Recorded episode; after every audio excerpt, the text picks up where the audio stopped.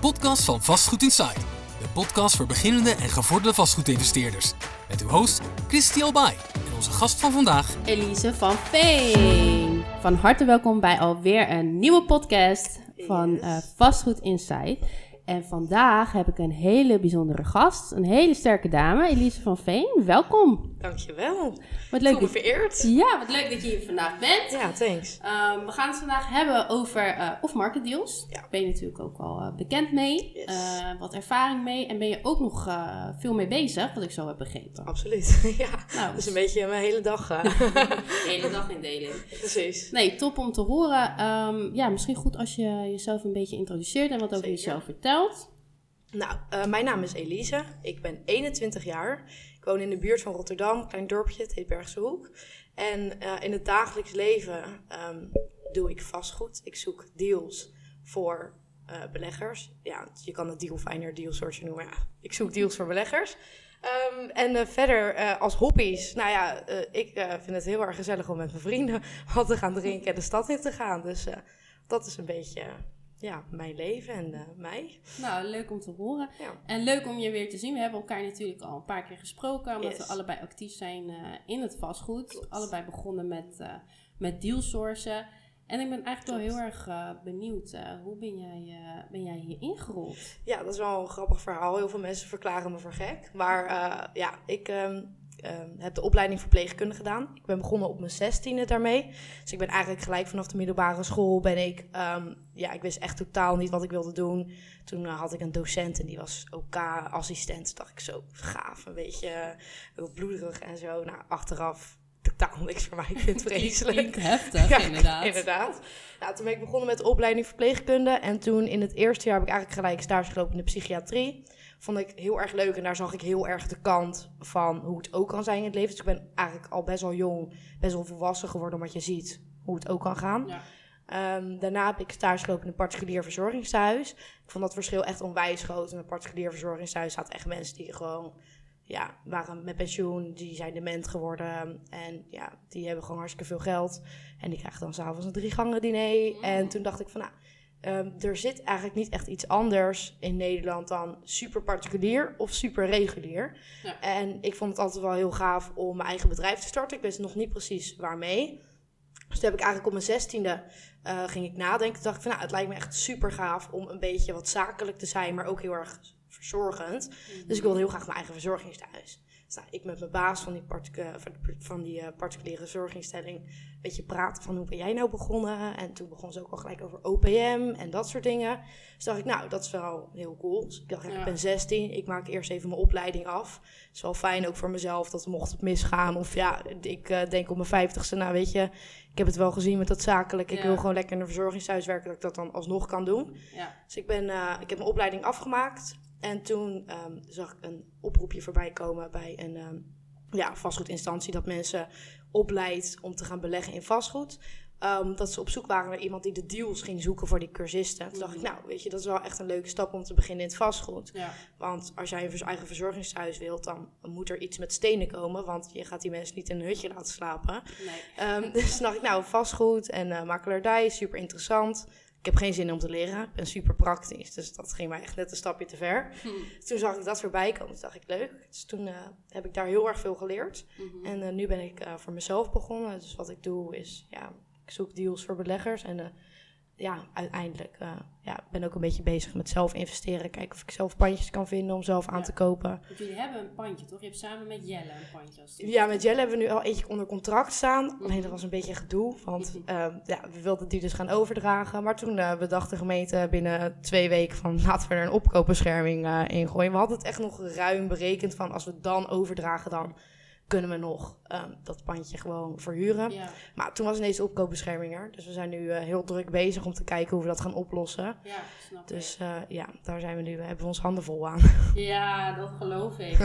en um, de, dat stukje dealsourcen, um, dat doe je ook samen met Jelle, toch? Ja, klopt. Ik uh, ben heel erg de kant van dat ik ga bezichtigen, dat ik het ga verkopen. Mm -hmm. Zoals super fijn. Jelle die is heel erg van het analyseren van de deals. Dat doe ik ook wel, maar hij kan heel goed daarin nadenken. Dus hij weet precies wat we met zo'n deal kunnen doen. En um, alle cijfertjes, de financiering, uh, als je wel eens met een jurist moet praten, dat Ja. soort dingen. Dat alles op de achtergrond doet Jelle dan een beetje.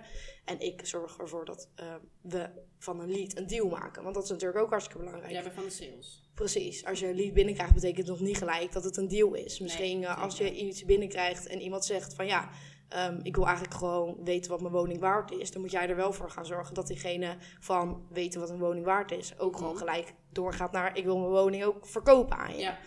Ehm, dus dat doe ik. En eh, op het moment dat ik die deal dan heb gemaakt uit een lead, dan ga ik mijn mensen bezichtigen, ga ik het verkopen, regel ik eigenlijk alles, koopcontracten. Dat doet Jelle trouwens ook, koopcontracten. Ik vind dat zo saai.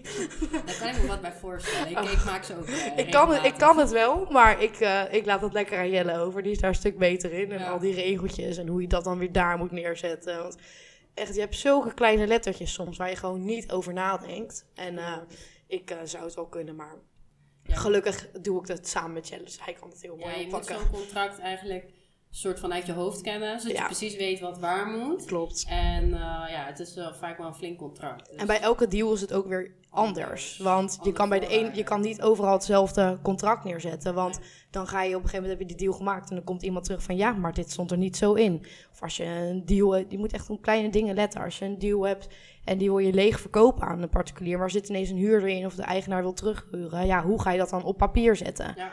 Ga je dan een huurcontract met iemand sluiten? Of zet je dat alsnog in het koopcontract? Dus er zijn zoveel dingen waar je daarop moet letten. Dus eh, ja, en eh, nou, als die is getekend, dan zorg ik ervoor dat eh, het contact goed blijft lopen met verkoper en koper. Ja. Zodat het gewoon voor allebei een prettige ervaring is. Ja, je verkoopt geen pakje boter natuurlijk. Nee, inderdaad. Het is natuurlijk wel een woning. Absoluut. En ehm, ja, ik vraag me ook af, want hoe kom jij aan je deals? Haal- waar haal je die vandaan? Is het uit je netwerk of, of Ja. Via een andere manier? Ja, die vraag krijgen we natuurlijk hartstikke vaak. En eh, ja, een netwerk is sowieso het allerbelangrijkst. Zeker. Zelf krijg ik best wel veel deals aangeboden vanuit mijn netwerk. Dat zijn bijvoorbeeld andere dealsoorts die bijvoorbeeld alleen focussen op een plek zoals Noord-Holland. Mhm. Ehm, en die hebben iets minder netwerk in bijvoorbeeld Zuid-Holland, waar ik bijvoorbeeld weer een heel groot netwerk heb.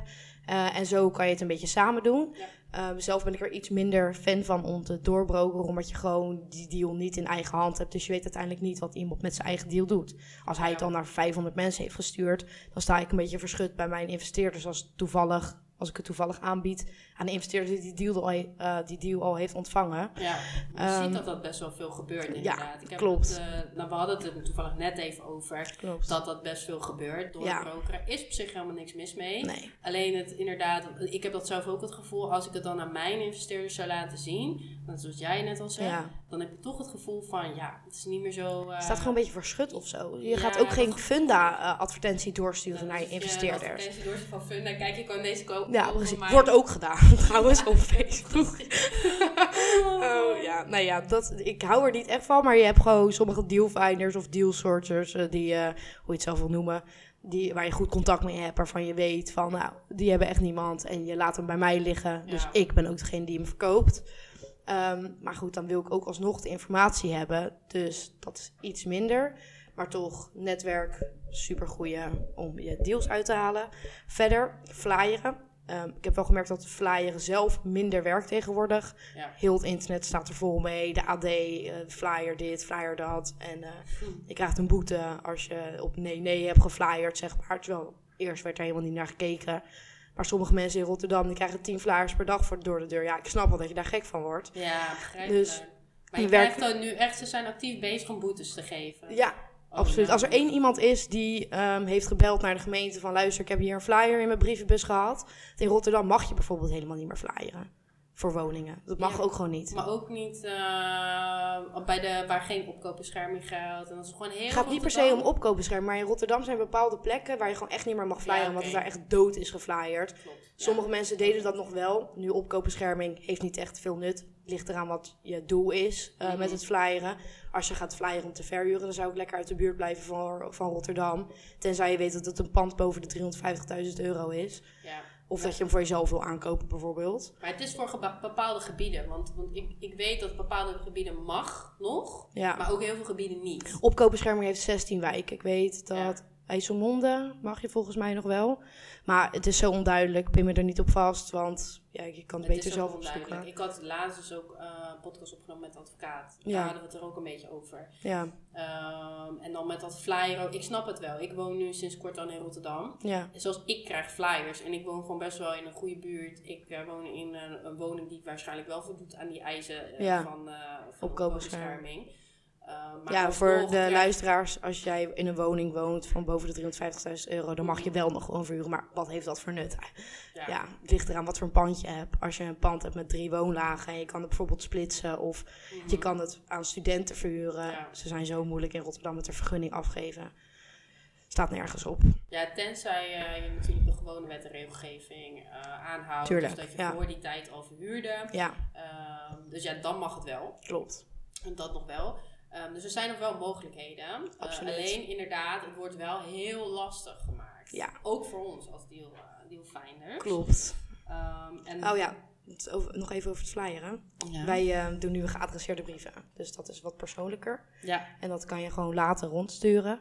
Verder, brieven werkt beter. Je kan er meer informatie op kwijt. Mhm. En daarnaast heb je ook marketing. Je kan ehm, ja, advertenties overal opknallen op het internet. Eh, net zoals Funda eigenlijk. Je komt op een website terecht, wil je woning verkopen en dan eh, zo krijg je ook leads binnen. Zeker. En ehm, zie je dat je een hogere rate hebt eh, sinds je die geadresseerde brieven stuurt? Ja, is wel een hogere rate inderdaad. Gewoon omdat het heel erg persoonlijk is. Je stuurt het naar een persoon zelf. Je stuurt het naar een adres toe. Er staat niet ehm, voor de bewoners van deze woning. Ja, wat is deze woning? Gewoon voor de bewoners van de, weet ik veel, Pruimstraat 15. ik zeg maar wat. Dat is dan echt naar jou gericht. Ja, en mensen kijken er dan wel op voor. Als ik een brief binnenkrijg wat waarschijnlijk naar heel eh, mijn dorp is gestuurd, denk ik, ja, het zal wel. Ja, precies. Nee, daar heb je helemaal gelijk in. Ik denk dat dat ook wel een hele goede is. Ja. Ehm, maar ga je dan zelf iedereen zijn naam opschrijven of eh, laat je dat doen? Ik neem aan dat je iemand dit laat doen, want anders de- is het je, je, je, klus. je betaalt er aardig wat geld voor. Maar aan de andere kant, als je kijkt wat je voor één deal krijgt als je het verkoopt, dan hou je er met één deal hou je het er al uit. Ja, precies. als jij één deal binnenhaalt en je vraagt er een standaard fee voor, 5000 euro. Tegenwoordig is dat trouwens ook verhoogd naar 7000 euro, zie ik zelfs voorbij komen. Ja, vaak zijn dat wel eh, hoger dan vijf, is vaak wel in combinatie dat er nog iemand tussen zit. Ja, klopt. Maar je ziet tegenwoordig ook wel vaak dat mensen gewoon 7000 euro fee vragen. Ja, de markt is natuurlijk helemaal booming. Iedereen wil nog een pandje aankopen. Ja, Iedereen denkt dat dit het beste moment is en dat de prijzen nog gaan stijgen. Is ook zo. Maar, ehm, ja dus ja, de fee wordt ja, hoger. hoger. Ja. Wat krijg je ervan? Ja, zeker. Nee, geloof ik zeker. Wij doen zelf niet eh, verhogen. Want Ik ook alleen- niet. Nee, tenzij het echt een gecombineerde deal is, met iemand samenwerkt, Tuurlijk. dan kan dat. Maar ja, als onze eigen deal is altijd standaard fee, omdat je ook een bepaalde kostprijs hebt voor je lead natuurlijk. Absoluut. Je betaalt soms echt wel veel. En met één lied hou je het er dan uit. Maar goed, dan heb je nog helemaal niks verdiend. Nee, Leuk dat ik eh, één deal binnenhaal. Maar dat staat net aan gecompenseerd. Misschien, ja, waarschijnlijk 9 van 10 keer niet. ja. Met wat ik binnen, ja, wat ik eraan betaal. Dus moet Ja. ik er wel aardig wat uithalen. En hoe analyseer jij of een deal echt goed is? Ehm, nou, wanneer ik een deal binnenkrijg of door de flyer, dan eh, stel iemand belt me van ik heb Mhm. een flyer in de briefbus ontvangen. Dan ga ik gewoon met iemand in gesprek van eh, waarom wil je woning verkopen? Dat is een hele belangrijke vraag. Motivatie is super belangrijk. Het kan de deal echt eh, maken of breken. Ehm, ik ga nog niet helemaal in van wanneer wil je verkopen, wanneer wil je bezichtigen. Je gaat er gewoon voor zorgen dat je zoveel mogelijk contactmomenten Mhm. met iemand hebt. En ehm, je gaat wel gewoon een beetje vragen van hoe staat de woning erbij? Je vraagt, ik vraag bijvoorbeeld van wat denk je zelf dat de woning waard is? Niet van hoeveel, voor hoeveel wil je hem verkopen. Mhm. Als ik eh, daarna ga kijken op eh, Walter Living, dat is een hele fijne site. Daar staan eigenlijk alle verkopen op van alle woningen. En daar kan je best wel goed invullen ehm, hoeveel een woning waard kan zijn. Je Ja. moet niet gelijk naar het eerste cijfertje kijken, want dat is gewoon heel globaal gepakt. Je, wat ik dan doe, is je scrolt naar onder, daar heb je dan een Excel. Mhm. Eh, daar komen dan al die woningen in de buurt komen eruit. Dan kan je filteren op overdrachtsdatum van wanneer zijn die woningen eh, overgedragen. Mhm. Dan doe je gewoon bijvoorbeeld in een jaar. En als het eerder is dan een jaar, dan bereken je dat weer met de stijging van de huizenprijzen. Ja. Je gaat bijvoorbeeld kijken op afstand. Want eh, je, bijvoorbeeld, je hebt in Rotterdam heb je Kop van Zuid, maar vijf meter daarna zit Zuid. En dat is een echt hele verschillende buurt. Ook al Dat is denk een je, heel groot contrast. ja, precies. Dus daar kan het super erg in verschillen. Dus als jij ziet van 800 meter uit de buurt, oh, dat is super dichtbij. Ja, maar dat kan precies de grens zijn van een bepaalde wijk, wat ook super veel ja, verandering brengt in de waarde van de woning. En dan ga je een beetje kijken van, nou, eh, ga je op funda zoeken van Mhm. hoe ze- is deze woning verkocht, in welke staat. En dan ga je gewoon filteren op de woningen die daarop lijken. Komen dan vaak vier of vijf woningen uit. En dan kan je wel een beetje zien hoeveel de woning waard is. Ja. En op het moment dat ik dan met iemand bel en diegene zegt, nou, ik denk dat mijn woning 200.000 euro waard is. En ik heb gezien op Walter Living dat woning in de buurt via Funda gewoon marktwaarde 300.000 euro waard is. Dan zeg ik, oké, is goed. Zullen we een intakegesprek inplannen? Ja. En dan eh, ga ik er naartoe. En dan zorg je gewoon dat je veel contactmomenten met iemand hebt. ja, een hele goede manier. Ook slim dat je het doet en eerst vraagt aan degene zelf wat hij ervoor wil hebben. Ja, tuurlijk. Een hele mooie tactiek, want die gebruik ik zelf ook altijd. Want anders ga je heel vaak al iets zeggen, terwijl het bijvoorbeeld ook ehm, ergens anders naartoe kan werken. Ja, En dat is gewoon prettiger, want anders ga je een hele hoge verwachting scheppen, wat niet altijd werkelijkheid kan absoluut. worden. En je vult iets voor iemand in, terwijl iemand zelf woont in die woning. Dus die Ja. weet zelf het best hoe die over zijn eigen woning denkt. Ik vraag ook altijd van de afwerking van de woning. Wat voor cijfer zou je die geven van 1 tot en met 10? Als hij zegt nou een 3, dan kan dat zijn dat diegene gewoon helemaal niet tevreden is met zijn woning. ja. Terwijl ik misschien wel een 8 of een 9 zou geven. Dus als ik dan dat aan diegene vraag, weet ik ook gelijk wat zijn gevoel is bij hun eigen woning. Ja. Dus dat kan ook alweer een goede motivatie zijn om een woning te verkopen. ja, ja. Dus ja, en gewoon vragen van de badkamer, de keuken, uit welk jaar komen die.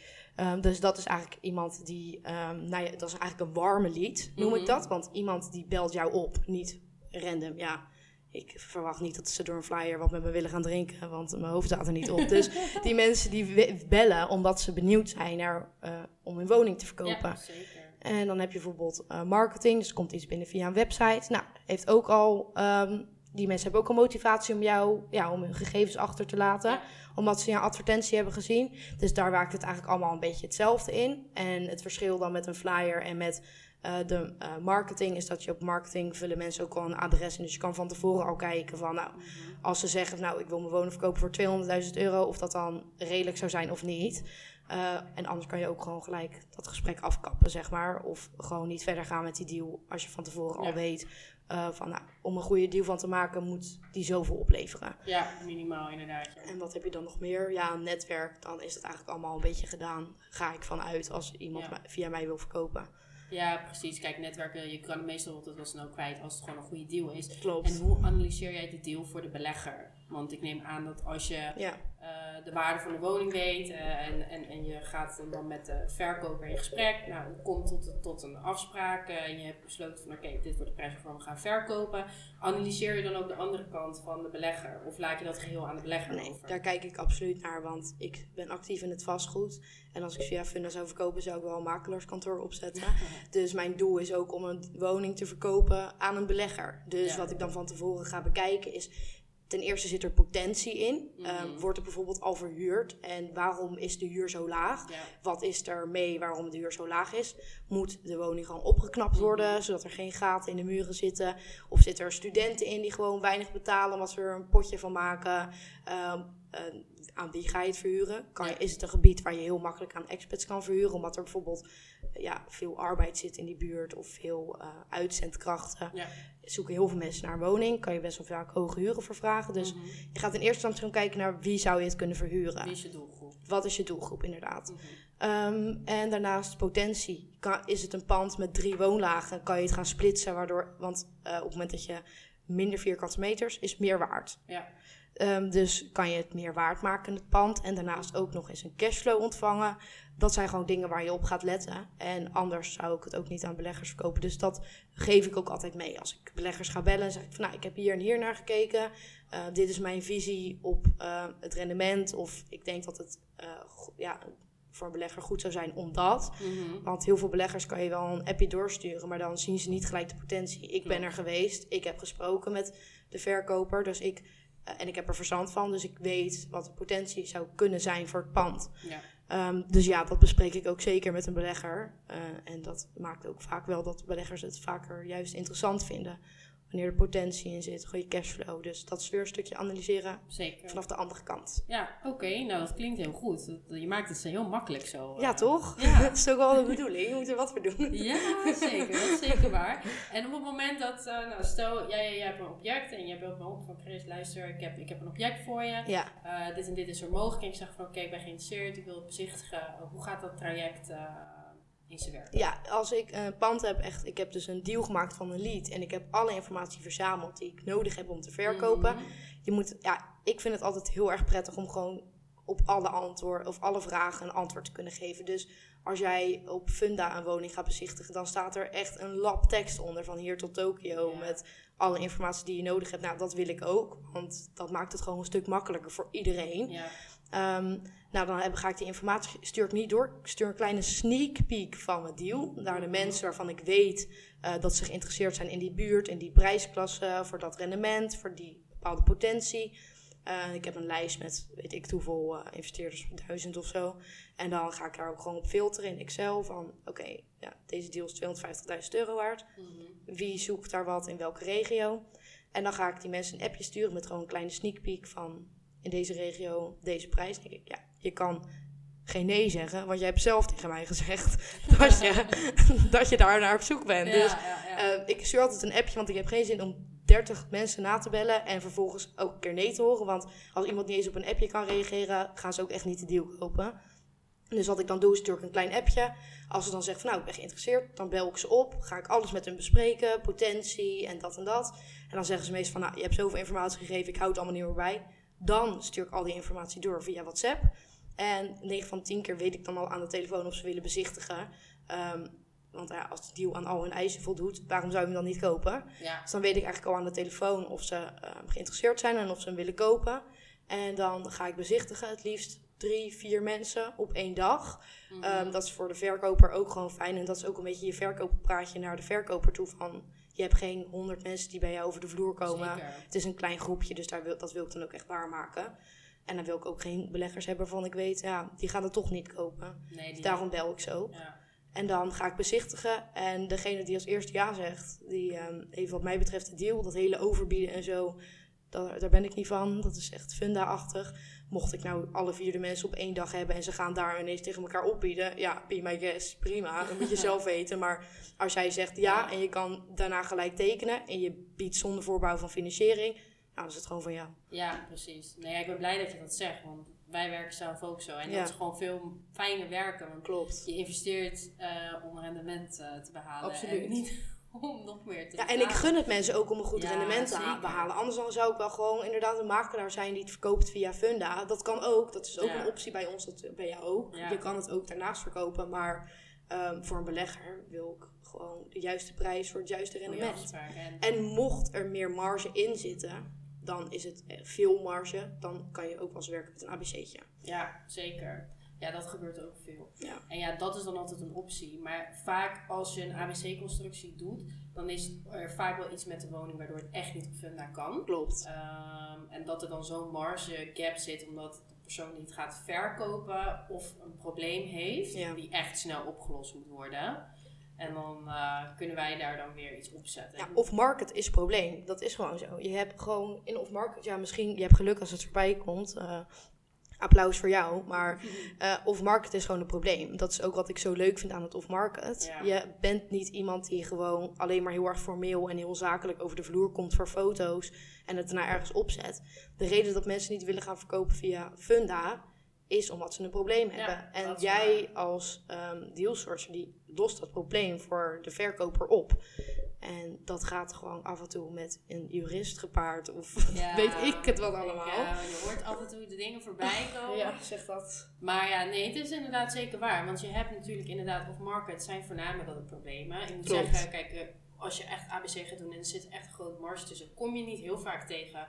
Als je het tegenkomt, is het vaak ook echt met heel veel haken en ogen. Klopt. Daarom is het ook voor een lagere Ik prijs. ben nu al een paar maanden bezig met eentje bijvoorbeeld. Kijk, dat bedoel ik. dat bedoel ik. Duurt vaak ook wat langer. Oh, heel lang. Maar de verdiensten zijn er dan in die end ook wel naar. Ja. En dat is ook vaak wat, wat, eh, wat mensen ook vaak zien met de dealsource. Denken altijd van, oh die dealsource die vragen zoveel. En dit. Maar Ja. we doen ook best wel veel. Ehm, we, we- je bent eigenlijk een soort van alles aan het ontzorgen. Maatschappelijk het werker. Maatschappelijk werker. Ja. ja, als je aan de andere kant zit. Inderdaad. Wel alles en bespreken. Maar dat is ook wel het mooie eraan, want je leert Absoluut. mensen ook echt kennen en mensen vertrouwen je ook echt hun woning toe. En Ja. dat is, zoals jij al eerder zei, het is niet niks. Het is niet alsof je eventjes eh, iets, iets kleins verkoopt. Dit Klopt. is gewoon je woning. Want iemand, Absoluut. eh, ja, het is iemand zijn eigen dingetje. Inderdaad. En ja, het is niet echt ehm, passief inkomen, zeg maar. Het eh, hele ehm deal source, als je er zoveel tijd mee bezig bent.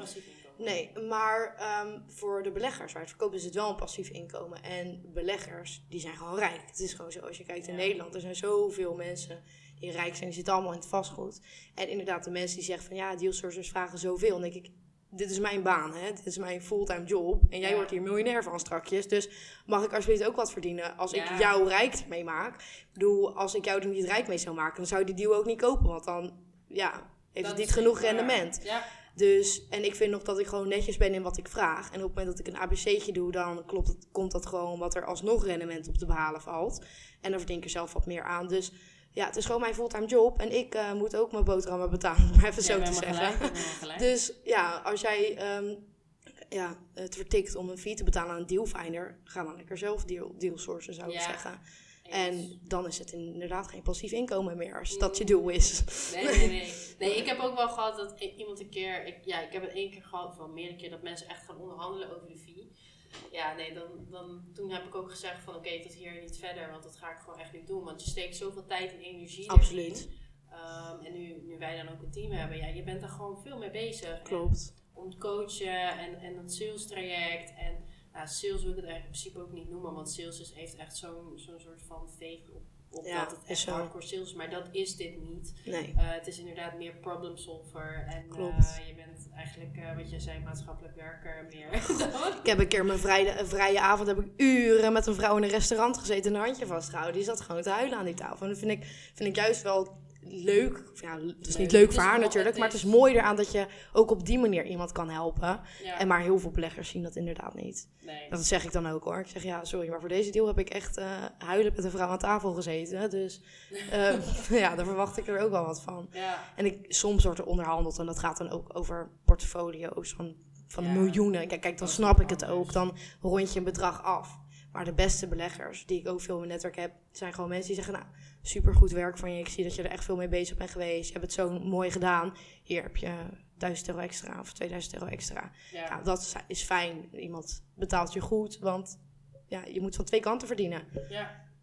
Nee, dat is, dat is zeker waar. En je hebt inderdaad beleggers. Wij hebben ze ook zeg maar als, als klanten die ze dan bij onze woningen beheer hebben en het verhuur. Die gunnen ook gewoon. Ja, ze precies. weten dat je echt je best doet. Klopt. En dan krijg je echt die gunfactor. En dat is het mooie. Niet, Ja. Helaas is dat niet bij iedereen het geval. Maar ja, er zijn wel mensen die dan ook echt gunnen. Ook prima inderdaad, maar er gaat wel voor zorgen dat op het moment dat iemand mij ook gunt, dat ik diegene ook terug gun. Die ga je Want als bellen natuurlijk. Precies, als ik weet, oh, dit is een deal, ja, dan ga ik niet eens andere mensen appen. Dan ga ik gewoon eerst even diegene bellen. Ja. Je maakt ook gewoon wel vrienden in het vastgoed, weet je wel. Je, je gunt, netwerk, ja, ja. precies. Ja, Dus dan zijn dat gewoon de mensen waar je het als eerst naar toestuurt. Sorry, ja, voor de rest. En ik wil echt wel een deal aan je verkopen, maar ja, mensen die gewoon graag willen en ook gewoon gunnen. Dat, ja, ik doe het niet per se voor meer geld of zo. Het gaat gewoon meer gunfactor Ja. inderdaad. Ik hoef er niet 1000 euro extra voor. Nee. En je job moet ook leuk zijn. Dus je moet werken met mensen die je leuk vindt. Precies. Ehm, dat, dat is voor ons ook heel erg belangrijk. Het is ook een soort van regel binnen ons bedrijf. Van, we mogen alleen met mensen werken die we leuk vinden. Ja. Want het moet leuk blijven. Je bent Tuurlijk. elke dag met je werk bezig. Absoluut.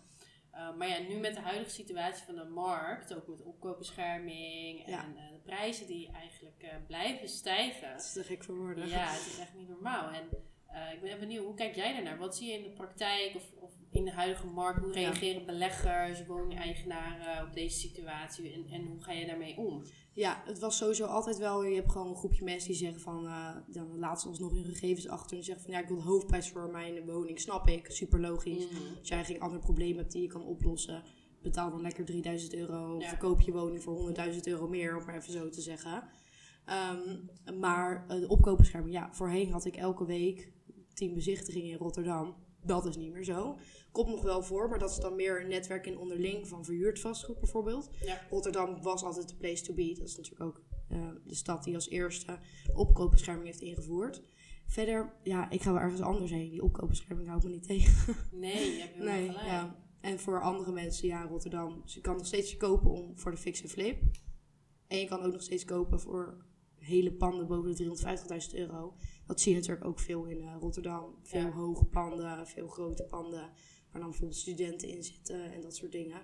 Dus dat mag je ook gewoon nog verhuren. Dus ja, natuurlijk is er iets veranderd. Maar het, ja, het vastgoed stopt er niet mee. Nee, precies. Absoluut niet. En, en de verhuurprijzen, hoe, eh, hoe kijk je daarnaar? Want je doet dat analyseren, zei je net. Ja, dan bel ik gewoon naar verhuurmakelaars. Mhm. En ehm, ja, ik zie bij sommige deals, je werkt soms ook met een factor. Mhm. En dan de factor is ehm, zeg maar de verhuurprijs. En dan ehm, ja, de, jaar, ja, de jaarhuur Mhm. keer bijvoorbeeld 20. En dat is dan de koopsom. Ja. Maar sommige mensen die drukken die verhuurprijzen zo erg naar boven. Dat het gewoon geluk hebben dat er bijvoorbeeld iemand in zit, in zit die ja, dat betaalt voor de huur.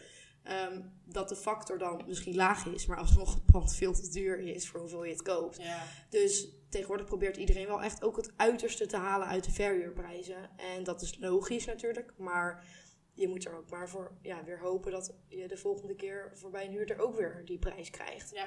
Dus de verhuurprijzen zijn ook gewoon hartstikke hoog, want de panden zijn hoger. Dus mensen willen ook gewoon hogere huur vragen om een rendement te behalen. Ja. Dat is logisch, maar ja, maar met Factor werk je voornamelijk met portefeuilles. Ja, ook portefeuilles inderdaad. Ik zie heel vaak eh, Factor voorbij komen met portefeuilles. Als ik een portefeuille doorgestuurd krijg, is het eh, meteen met Factor erbij. Ja, dan gaat het inderdaad vaak over portefeuilles, over, als je het over factor hebt Ja. inderdaad. Want En eh, normale beleggingsobjecten, dus enkele objecten, je hebt het er wel eens over. Ene, eh, ene persoon zal het er wel over hebben, maar ja. Ehm, dat zijn termen die echt eh, voornamelijk met portefeuilles. eh, Ja, ik had, we hadden pas nog een eh, portefeuille en dat was dan bijvoorbeeld weer 18 keer de jaarhuur of zo. En dat lijkt heel leuk. Maar ja, 18, tussen 18 op, op zich wel prima. Maar niet als de verhuurprijzen gewoon door het dak gaan. Dan slaat het ook 10 keer nergens op. Dus ja, in dat opzicht heb ik wel een beetje zicht in de verhuurprijzen. Maar voor enkele objecten, ja, daar heb jij denk ik meer verstand van dan ik. Ja, enk- enkele objecten, ja, dat is, ehm, dat is, blijft wel stijgen, moet ik zeggen. Mm. Ehm, maar het ligt ook aan eh, welk moment het is. Want je, Ja. je merkt dat ehm, de expats blijven nog een beetje uit. Dan had je weer de lockdown. En dan merk je dat het gewoon veel lastiger is om te verhuren. Klopt. Terwijl we eh, een paar maanden geleden, als we iets hadden, was het echt binnen no time was het weg. Ja, Voor hele mooie prijzen. Moet ik ook wel zeggen, dan heeft het ook wat te maken met hè, wat is de staat van de woning. En wij proberen ook altijd wel zo goed mogelijk te adviseren dat het gewoon in een nette staat is. En dat tuurlijk. dat het gewoon leefbaar is. Want ik ben ook wel eens bij panden geweest dat ik, dat ik denk, nou jij waarschijnlijk ook met Ja. market deals. Zeker. Dat je echt denkt van, hoe kan iemand hier leven? Wat doe je iemand aan? Die standaard studentenwoningen, vreselijk. Ja, maar ja, studentenwoningen, daar zat altijd ook wel een dingetje mee. Maar ik heb Ja, echt studio's gezien dat ik dacht van, hoe, hoe kan je dit over je hart verkrijgen? Ja, Om hier mensen te laten wonen, want het is gewoon vies, het is niet netjes, het wordt niet goed verzorgd, er Klopt. schimmel overal. Natuurlijk, dat zijn wel de panden met de meeste kansen. absoluut. Dat, Dat- is, dat is fijn voor een belegger, dat wil je zien. Zeker, maar ja, het is wel, wel fijn dat als je als, als belegger een woning hebt, dat je ook gewoon lekker kan slapen en dat je weet dat de mensen in jouw woning tevreden zijn. Tuurlijk. En dat ze gewoon een goede woning hebben. Dus ja, je merkt, je merkt aan, om even terug te komen bij die prijzen, want ik dwaal- ik dwaal een beetje af. Ehm, ja, je, merkt je merkt dat er wel veel speling in zit. Ehm, en ik had verwacht, en meerdere met mij, dat de prijzen misschien wellicht nu zouden gaan stijgen Ja, eh, van de verhuur. eh, omdat het moeilijker is om panden aan te kopen. En verhuur. Voor verhuur. Maar het valt best wel tegen, moet ik heel eerlijk Hmm. zeggen. Had ik ook eigenlijk niet verwacht. Nee, Want dus mensen kunnen nu minder huren, want er, je kan in Rotterdam bijvoorbeeld niet meer echt kopen om te verhuren. Dus dan zou je denken inderdaad dat als er dan wat verhuurd wordt, dat mensen er meer voor willen betalen. Of ook Klopt. moeten betalen. Ja, maar het valt nog best wel mee. Omdat, omdat Misschien komt nog- het nog. Ja, misschien komt het nog. Dus ik, ik eh, denk dat we het nog even op de loep moeten nemen en moeten Ja. aankijken. En in de toekomst wellicht dat er dan wel, eh, Ja, wel de prijzen omhoog zullen gaan. Omdat jij nu gewoon minder kan aankopen. Maar je, je, in ieder geval, ik merk nu dat het, dat het echt wel tegenvalt. Ik had er echt wel meer Hm. van verwacht. Ehm, en ook omdat nu alles weer open is ehm, Ja. en ook weer expats hier naar Nederland komen, dat zien we wel. We zien veel expats hier weer naartoe Ja. komen. meer dan een paar maanden geleden. Dus dat is Mhm. heel goed en heel goed ook voor de prijzen van de, van de huur. Maar ehm, ja, voor de rest had ik er wel meer van verwacht. Hmm. Dus, Nou, misschien even afwachten. ja, misschien even afwachten. Inderdaad. En dan hebben wij nog als eh, mooie afsluiter van deze podcast Ja. eh, persoonlijke vragen. Die Nou, stellen nou. wij aan iedereen. Spannend. Dus die wil ik heel graag aan jou stellen. ja, Elise. Eh, wat is jouw doel in het leven en hoe zie jij jezelf op jouw oude dag? Mijn doel in het leven. Nou, mijn doel sowieso is eh, een eigen verzorgingstehuis. Ik ben nu 21 en ik hoop tussen mijn 30ste en de 35ste wel een paar te hebben. Liefst in alle grote steden en alles eromheen in Nederland. Dat het een soort van echt een eigen merk wordt, mijn verzorgingstehuis. Ja, nice. En ehm, ja, ehm, hoe ik dan mijn oude dag. Nou, ik, daar zat ik wel even over na te denken. Eh, daar zit ik over na te denken. Want hoe ziet mijn oude dag eruit? Als ik echt oud ben, dan zou ik gewoon ja, willen leven met mijn man en kinderen. Als ik die hopelijk dan heb. Ja, dat moet wel goed komen, toch? ik hoop het. Eh, maar als ik echt ga kijken van eh, hoe ziet mijn perfecte dag eruit over een tijdje. Dan denk ik toch dat het is dat ik wakker word, een kopje koffie drink. En dat ik eh, financieel vrij ben. Dus dat ik niks hoef te doen. En dat ik mijn gezin daar ook in betrek. Dus dat ik Mhm. een man heb, dat ik gewoon gezellig samen met hem een kopje koffie kan drinken Ja. aan de keukentafel. En dat als hij wilt werken, dat hij gaat werken. En als ik wil werken, dan ga ik werken. En ik vind het wel heel leuk, want ehm, omdat ik ook verpleegkunde heb gedaan, ik hou wel echt van het verzorgen. Mhm. Dus als ik dan dat eigen verzorgingshuis heb, denk ik gewoon dat ik mijn dag begin met een kopje koffie. En dat ik dan eh, mijn auto instap en naar dichtstbijzijnde eigen verzorgingshuis rijd. En dat ik daar dan gewoon even ga helpen met de lunch. En eh, als er personeel tekort is, dat ik help met wassen. Dan ben ik, ja, daar wil ik best mijn handen voor uit de mouwen steken. Vind ik ook echt leuk. Ja. Dat ik een beetje eigen bijdrage lever in eh, ja, mijn eigen bedrijf. En dat ik daarna een keer een meeting heb. Of dat ik een keer kan ja, bijvoorbeeld eh, ja, mensen kan helpen. Of mijn verhaal kan vertellen over hoe je het wil doen. En dat ik dan thuis kom, een lekker maaltijdje kook. Of eh, uit eten. Nee, uit eten gaan. Uit ik ga uit eten. ik vind het heerlijk om uit eten te Ja, gaan. is het ook. En dat ik lekker met de Uber ergens naartoe ga, zodat ik een wijntje kan drinken. En dan eh, s s'avonds naar huis. En dan eh, de volgende dag weer doen waar ik zelf zin in heb. Ja, klinkt heel goed. Ja, dat is denk ik een beetje mijn... Mooie eh, omschrijving. niet eh, mijn oude dag op een negentigste, want dan doe ik dat denk ik niet meer. Dat heb Maar je er later waarschijnlijk. precies. Inderdaad. Kom ik met morgen later bij mijn eigen verzorgingsthuis Ja. gewenst verzorgen. Nou, weet je wel dat je goed zit. Ja, dat is inderdaad. een voordeel. Absoluut. Je kan je eigen bouwen, maar daar kom ik ook. Want we Ja, hadden het is laatst in de vorige podcast over. Met mijn compagnon, dat zeiden ook van eh, ja, onze eigen bejaardentehuis eh bouwen. Ja. Dan kunnen we met jou doen. Tuurlijk. nou, je zijn allemaal welkom. We kunnen er eentje samen maken. Dan Ja. het vastgoedinkomen. Iedereen die, waar ik mee ooit samen heb gewerkt, die komt Die bij komen elkaar. in bejaardentehuis. Inderdaad. Oh, geweldig. Ik heb nog eh, twee vragen voor je, Elise. Ja. Ehm, en ja, ik ben eigenlijk wel heel erg benieuwd wat jij het leukst vindt aan je job, wat je nu doet. Ja, toch wel echt het mensencontact. Dat je Ja. gewoon wakker wordt en dat je denkt van, "Hm, wat ga ik vandaag weer doen? Een bezichtiging, iemand anders verhaal aanhoren, ehm, een luisterend oor zijn voor de mensen die problemen hebben in het vastgoed of, of ja, problemen hebben met hun woning. En dat je gewoon zoveel, ja, ik ben echt alleen maar bezig met mensen. En dat vind ik het leukste daaraan. Dat is ook wel echt iets voor mij gewoon. Ja, mensen praten, eh, problemen oplossen, dat is het leukst. Natuurlijk, het deal close is ook leuk, maar de weg er naartoe vind ik nog veel leuker. ja zeker. Daar leer je ook het meest van, hè? Klopt. Elke casus is anders en dat vind ik gewoon... Je zou denken van nou, vastgoed, ik koop een pandje, bla bla bla. Maar eh, net zoals wat ik eerder zei, die OK-assistent, elke operatie is anders. En dat merk ik met dit ook. Dat ik er gewoon, dat ik het zo leuk vind dat het elke dag anders is. Dat is wel echt het leukste van mijn werk. Dat je Ja. blijft leren, dat ik niet in zo'n spiraal blijf zitten met elke dag hetzelfde. Dat is wel echt mijn angst. Dat was mijn angst dat ik ooit op een dag wakker zou worden. Negen uur naar mijn werk, vijf uur klaar in de files. Eh, ik stond net ook in de file. denk ik, ja, vreselijk. Dat zou ik nooit willen. Heel leuk. Je zegt dus... eh, Ik, ik had eh, vorige week een podcast opgelopen, opgenomen met mijn businesspartner, Jari. En je zegt precies hetzelfde als haar en als mij bij elkaar. dus Nou, ik ga helemaal stuk. Dat zij is echt een mensenmens. Vind ik ook wel leuk. Maar ik ben persoonlijk hou ik, ben heel snel, ehm, hoe zeg je dat? Ik kan niet zo goed tegen routine in de zin van, ik hou van een ochtendroutine en avondroutine, maar ik bedoel in de zin van elke dag hetzelfde. Dan ga je echt in zo'n visuele cirkel leven en dat Ja. is gewoon echt niet, niet fijn. Nee. En ik had toen ook aangegeven van ja, eh, dat de variatie, nieuwe mensen, Absoluut. en continu anders, dat maakt het gewoon super tof. Andere verhalen leer je ook weer hartstikke veel van. Ja, En je leert, van, leert allemaal mensen kennen natuurlijk. precies. Dat vind ik ook het leukste gewoon. Dat je, zo, dat je op een gegeven moment op je vijftigste dat je zoveel mensen kent. Waar je allemaal een eigen verhaal mee hebt. En iedereen heeft wel iets bijgedragen Ja. aan je leven. Dat, wat je ook echt als persoon maakt. Mhm. Ja, dat vind ik inderdaad ook het leukste. Gewoon mensencontact en dat soort dingen. Daar, ja, daar leef ik wel een beetje voor.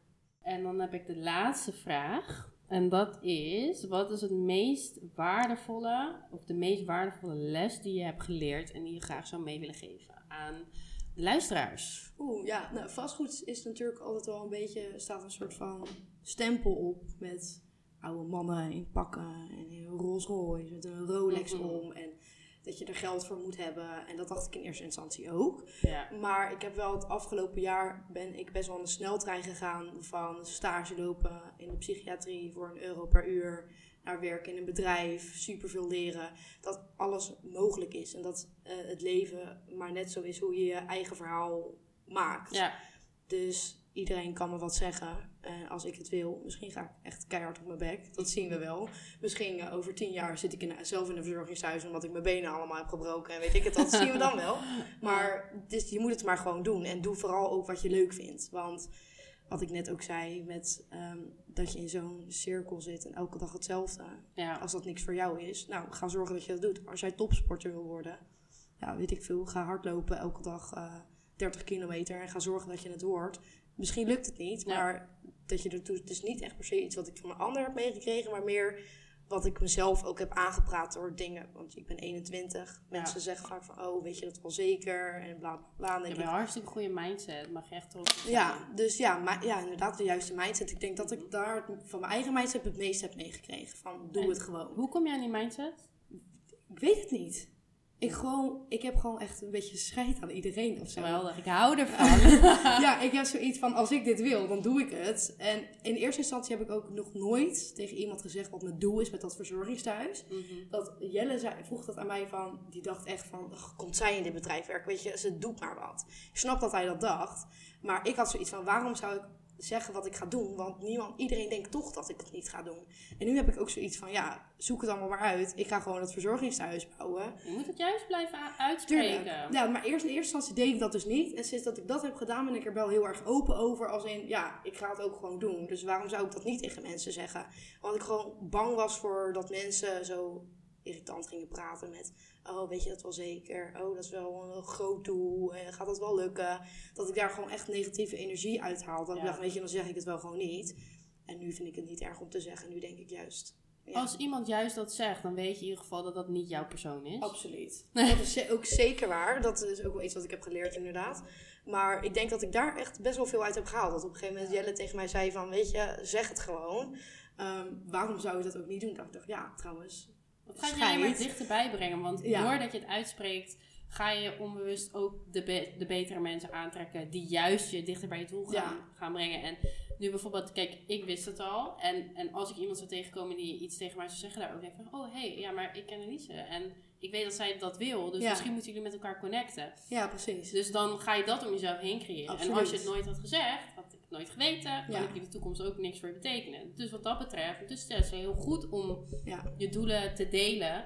En als small-minded mensen die niet in jou geloven, Absoluut. is dat niet jouw probleem. Het is Nee. hun beperking als hun denken dat het een te groot doel is. Ja. En niet die van jou. En in, in Nederland vooral is er zo'n zo'n standaard gemaakt van...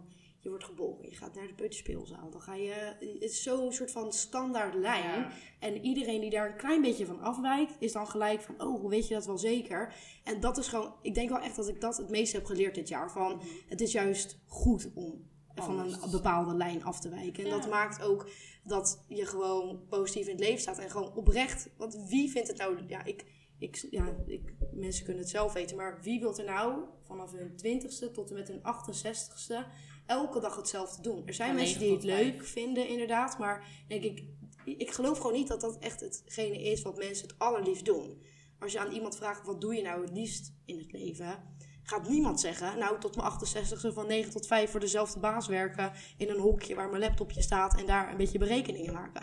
Ik geloof echt niet dat dat het mooiste doel is wat iemand heeft. Dus er zijn maar gewoon een klein groepje mensen die dan ook echt achteraan gaan wat ze willen doen. Ja. Dus wat ik zou ook willen meegeven aan iedereen is, maak gewoon de eerste stap. En misschien lukt het niet, kan je altijd nog wat anders doen. Maar Ja. zolang je probeert, heb je in ieder geval al de juiste mindset en kan je gewoon doorgaan, ja, in peace doorgaan met je leven. Ja, zeker. Nee, ik geef je 100% gelijk. Ik ben het ook helemaal mee eens. Ja. Ik, eh, ik, ik ben blij om te horen dat je zo'n sterke mindset hebt. Ja, thanks. Ja. Jij ook. dus dat is heel goed om te horen. Nou, bij deze wil ik wel de podcast gaan afsluiten. Laten we het maar doen. Ja, want ik denk dat we nog uren door kunnen kletsen zo. Nog even een korte samenvatting over waar we het allemaal over hebben gehad. We hebben natuurlijk voornamelijk over dealsourcing gehad. En ehm, ja, het is wel goed dat mensen even weten hoe ze jou eh, kunnen, kunnen bereiken en ze met jou in contact kunnen komen. Elise heeft heel veel dingen uitgelegd over hoe je deals kan vinden, hoe ze ze zelf analyseert.